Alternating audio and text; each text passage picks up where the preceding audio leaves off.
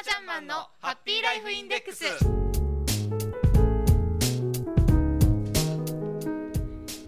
FP タナちゃんマンのハッピーライフインデックス。この時間はあなたの夢と未来をトータルサポートするライフサポート有限会社の提供でお送りします。私たちと一緒に明るい未来幸せな生活になるためのマネーライフを考えてみませんか？この番組ではあなたからの疑問や質問何でも結構です。受け付けています。タナちゃんマンへの応援メッセージももちろん。大歓迎ですよ。お待ちしてます。宛先は fm768 アットマーク p-wave.ne.jp fm768 アットマーク p-wave.ne.jp です。お待ちしています。さあそれでは今日も早速一級ファイナンシャルプランニング技能士でありライフサポート有限会社代表のタナちゃんマンを呼んでみましょう。あなたもご一緒にせーの。タナちゃんマン。はい、こんにちは、棚橋です。今日もよろしくお願いいたします。こちらこそお願いいたします。いやー秋の風のように。そうですね。はいとっても爽やかですね。あそうですか。ありがとうございます。はいありがとうございあの最近どうですか？お子さんがかなりあのスポーツで活躍されてるっていう話題もはい、あ、はいありがとうございます。ブログを読んでいただいてるんですね。はいありがとうございます。はい。なんかあの末の娘さんもあと上のお兄ちゃんとかもはい、結構。頑張ってらっしゃるんですよねはい。スポーツの秋でもありますからね。はい、今日も爽やかにはいお願いいたします。さあ、えー、今日はですね、はいえー子どもポットに寄せられたお便りから、はい。気になる話題をタナちゃんマンにお答えいただきたいんですが、はい、はい、どんなお話テーマでしょうか？はい。そうですね。えー、子どもポットさんの方に、えー、いただいたご質問なんですけれども、はい、えー教育費についての質問です、えー子どもの教育費は小学校から大学までどれぐらいかかるのでしょうか、えー子ども男の子1人で、えー来年小学校に上がります、えー教育資金の支度はどのようなノウハウがあるのでしょうかというご質問をいただいております。うん気になるところですよ。そうですよね。なんかあんまりなんて言うんでしょう、はい。大まかなはい予想がつかないというか、例えば今お子さんちっちゃい方には。そうですね。はい。まああの子供さんがね、えー設けられたあカップルの方あご夫婦がね、はい。ほとんどの方が、まあ、学資保険っていう形でですね、えー子供さんのお教育資金のご準備をされていらっしゃると思うんですけれども、はい、えーざっくりと、まあ、小学校から大学まで。うーん、まあ、小学校からっていうかもうほとんど幼稚園あるいは保育園からね、えー子どもさんを、まあ、預けるというかね、えー通わせるご家庭が多いと思いますのでね、はい、えーまあ、幼稚園から大学までというふうに教育費っていうのは考えた方がいいのかなと思うんですけれども、はい、えーまあ、そのどういった形でね、えーどういった形で、まあえーどこに、えーこう進学を進めさていきたいのかなっていうところでまたこのいくらかかるかっていうのがねまた違ってくると思うんですよね。分野によっても大学とか高校あたりっていうのは違ってきますしね。ね。あのもう中学受験をされるご家庭もあれば、あーね中学校までは公立で、うんうん高校大学すべ、えー、て公立でって考えていらっしゃるご家庭もあるでしょうし、そうですね。はい、それによってまあ、ええー全くね金額は違ってくるはい。ものですからね。えーはい。なかなかこうそのねお子さんの進路っていうのはその時にならないとわからないのでね難しいとは思うんですけどですねですのでまあざっくりですね。どういうふうに準備していくのがこう計画としてはいいんでしょうかね。そうですね。あのーまずやはり、えー一番お金がかかる時期、一時的にですね、お金がかかる時期っていうのがやはりその高校を卒業して大学に入る時ですよね。ね。一時的にお金が、うんうんでその時のためのお資金作りっていうのが学資保険なんですよね。はい。はい。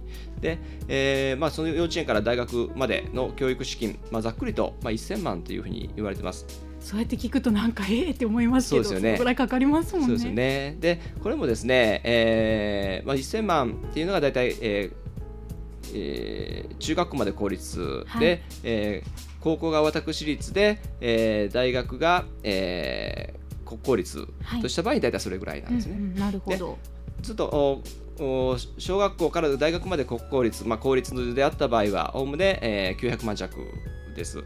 で、えーこれが高校も大学も私立で、ましてやその、うん、大学がですね理数系にに行くと進むと、うんおもうちょっと高く、そうですよね。医1500万ぐらいというふうにその辺もそうですねまた長くなりますしね。医学部行くともっと高くなりますよね。ですよね3000万と言われてますんで。ですよね、はい長いですしね、あのね学校にいるそうですね時間も。。はい。まあ、うんその後、まあ、いろんな制度がありますんでね。はいはい。いうふうに言われてます。でやはりその一番、えー皆さんに、えーご利用いただいているのが代表的な資金作りというのがやはり学資保険ですよね。はいはい、学資保険も最近いろんな商品が出てきております。いろんな保険会社からですね。はい、まあ、有名なところでいきますとソニー生命保険さんの学資保険、えーこれはもうすごく有名ですよね、えー子子育てのための雑誌だとかい。ろんなマネー雑誌にも紹介されておりますように、えー返礼率っていうんですけれども、はい。えー積み立てられた、えー保険料に対して、えー満期の時に返ってくる率が高いよっていうことでよく紹介はされております。はい、はい一般的にこれを利用される方が結構多いでしょうかね。そうですね。はい。で最近ではですね、アフラックさん、はいアメリカンファミリーさんの方からも新しく学資保険が出ました。こちらも結構あのーえー返礼率高く設定されておりますし、はい。えーあの満期時、えー大学入学時ですよね、高校卒業時というか、大学入学時というかね、時に、えー受け取って、そこから、え4年間ですね、教育資金として年金で受け取れますよというようなものもついていたりとか、ほうほうあの使い勝手としてはいいのかなっていう。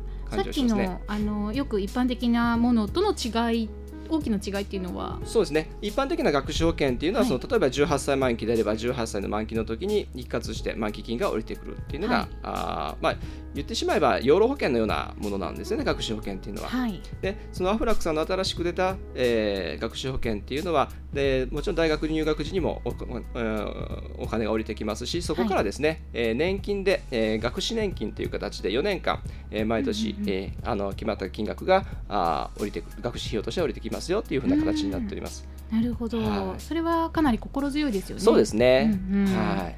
はい。他にも何かこう特徴的なものとそうですねかってあるんであすかね？と最近ではですねよくこれもマネー雑誌なんかで紹介しされている形なんですけれども、就寝保険を活用してですね。はい。はい、あの学習保険代わりにお金を積み立てるというプランがあー人気があるというか、よく、まあ、あのがえー生命保険を利用した形はい。で加入される方が多いですね。なるほど。ははいい、い、ずれもお子さんが何歳からこう始められるんでしょうかね？あのほとんどの方は生まれてすぐ。あるいはそのうん学習保険の場合ですとね、あのおお子さんがお腹の中にいる時から加入することができますのでね当然早ければ早いほど、あの余裕ができますよね。そうですね余裕ができますし、えー同じ満期金であれば積み立て額も少なくて済みますしね、うんうんうんあの返礼率が高くなっていきますのでね。なるほど。はい、さまざまな今特徴というかね、多そうですね。種に多岐にわたってるんですね。そうですね。学資保険も。はい。いろんな形でのプランがありますうね。ん。はい。私がねあの子供からこう子供時代かはら大学ぐらいまでの時ってこんなになんかあのなかったような気がするんそうですすね。あの学習保険はもともとたくさんいろんな保険会社さんあ各保険会社さんあの、商品として持っておりますのでね、いろんな形のものはあるんですが、はい。今ほど情報ってあまりなかったじゃそうないですか。ですね。うちの親とかもそこまでなんかもう言われるがままになんそうですね。かやっていたというかそうですね。いつも、はい。あのおなじみの保険会社さんのねね。あのセールスの方とはい。話をして、もういつもあなたからだからっていうね形で入られる方が多いんですけど今のようにねあの保険会社はこんなにオープンにねあのそうですね。情報もたくさん、ね。はい、情報の方が保険会社を選ぶという時代ではなかったですからね。うんはい。その辺は今の時代ならではでもそうその私たちその利用者自体が、はい。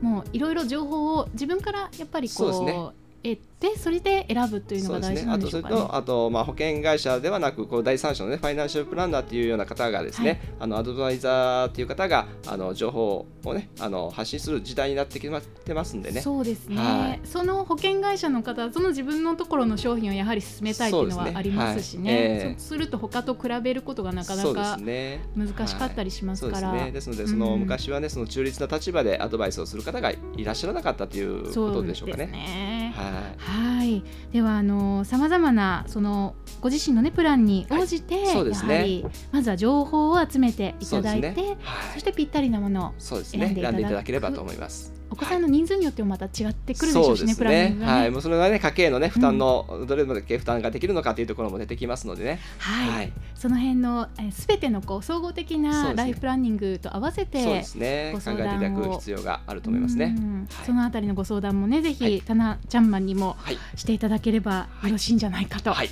ありがとうございます。思います、はいえーライフサポート有限会社はね、はいえー四日市市の生桑町にありますので、はいぜひお気軽に訪れやすいですよね。はい。はい植物もいっぱいあるオフィスですので、はいはい、ぜひ訪れてみてください。そしてこの番組へもメッセージをね、そうですはい、お気軽に、この番組ね、どうしてもそのライフサポートにちょっと行きにくい最なって初は行きにくいいう方ね、なっていうね、このところはあるかも番組に。ご質問いただければ結構ですのでね。はい。はい、えー、メールアドレス fm768 アットマーク p ハイフン wave ドット ne ドット jp fm ポートウェーブのホーム,、えーホームページからもご応募もいただけますし、そして、えー、e メールアドレス fm ポートウェーブのアドレスへと受付中となっています。そしてえーライフサポート有限会社のホームページから過去の放送分もお聞きいただけます。今日の放送もね、はいもう一回聞きたいなという方は、また後日はいアップされましたら、はいそちらからも聞いていただきたいと思います。えーライフサポート有限会社のホームページは検索エンジンで「たなちゃんマン」と入れて検索してください。ちゃんだけひらがなで、あとはカタカナで。はいはい、たなちゃんマン今日もありがとうございました。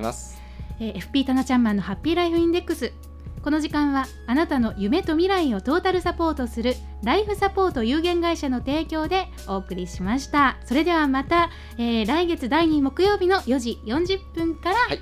お会いしましょう、ありがとうございました。ありがとうございました。失礼します。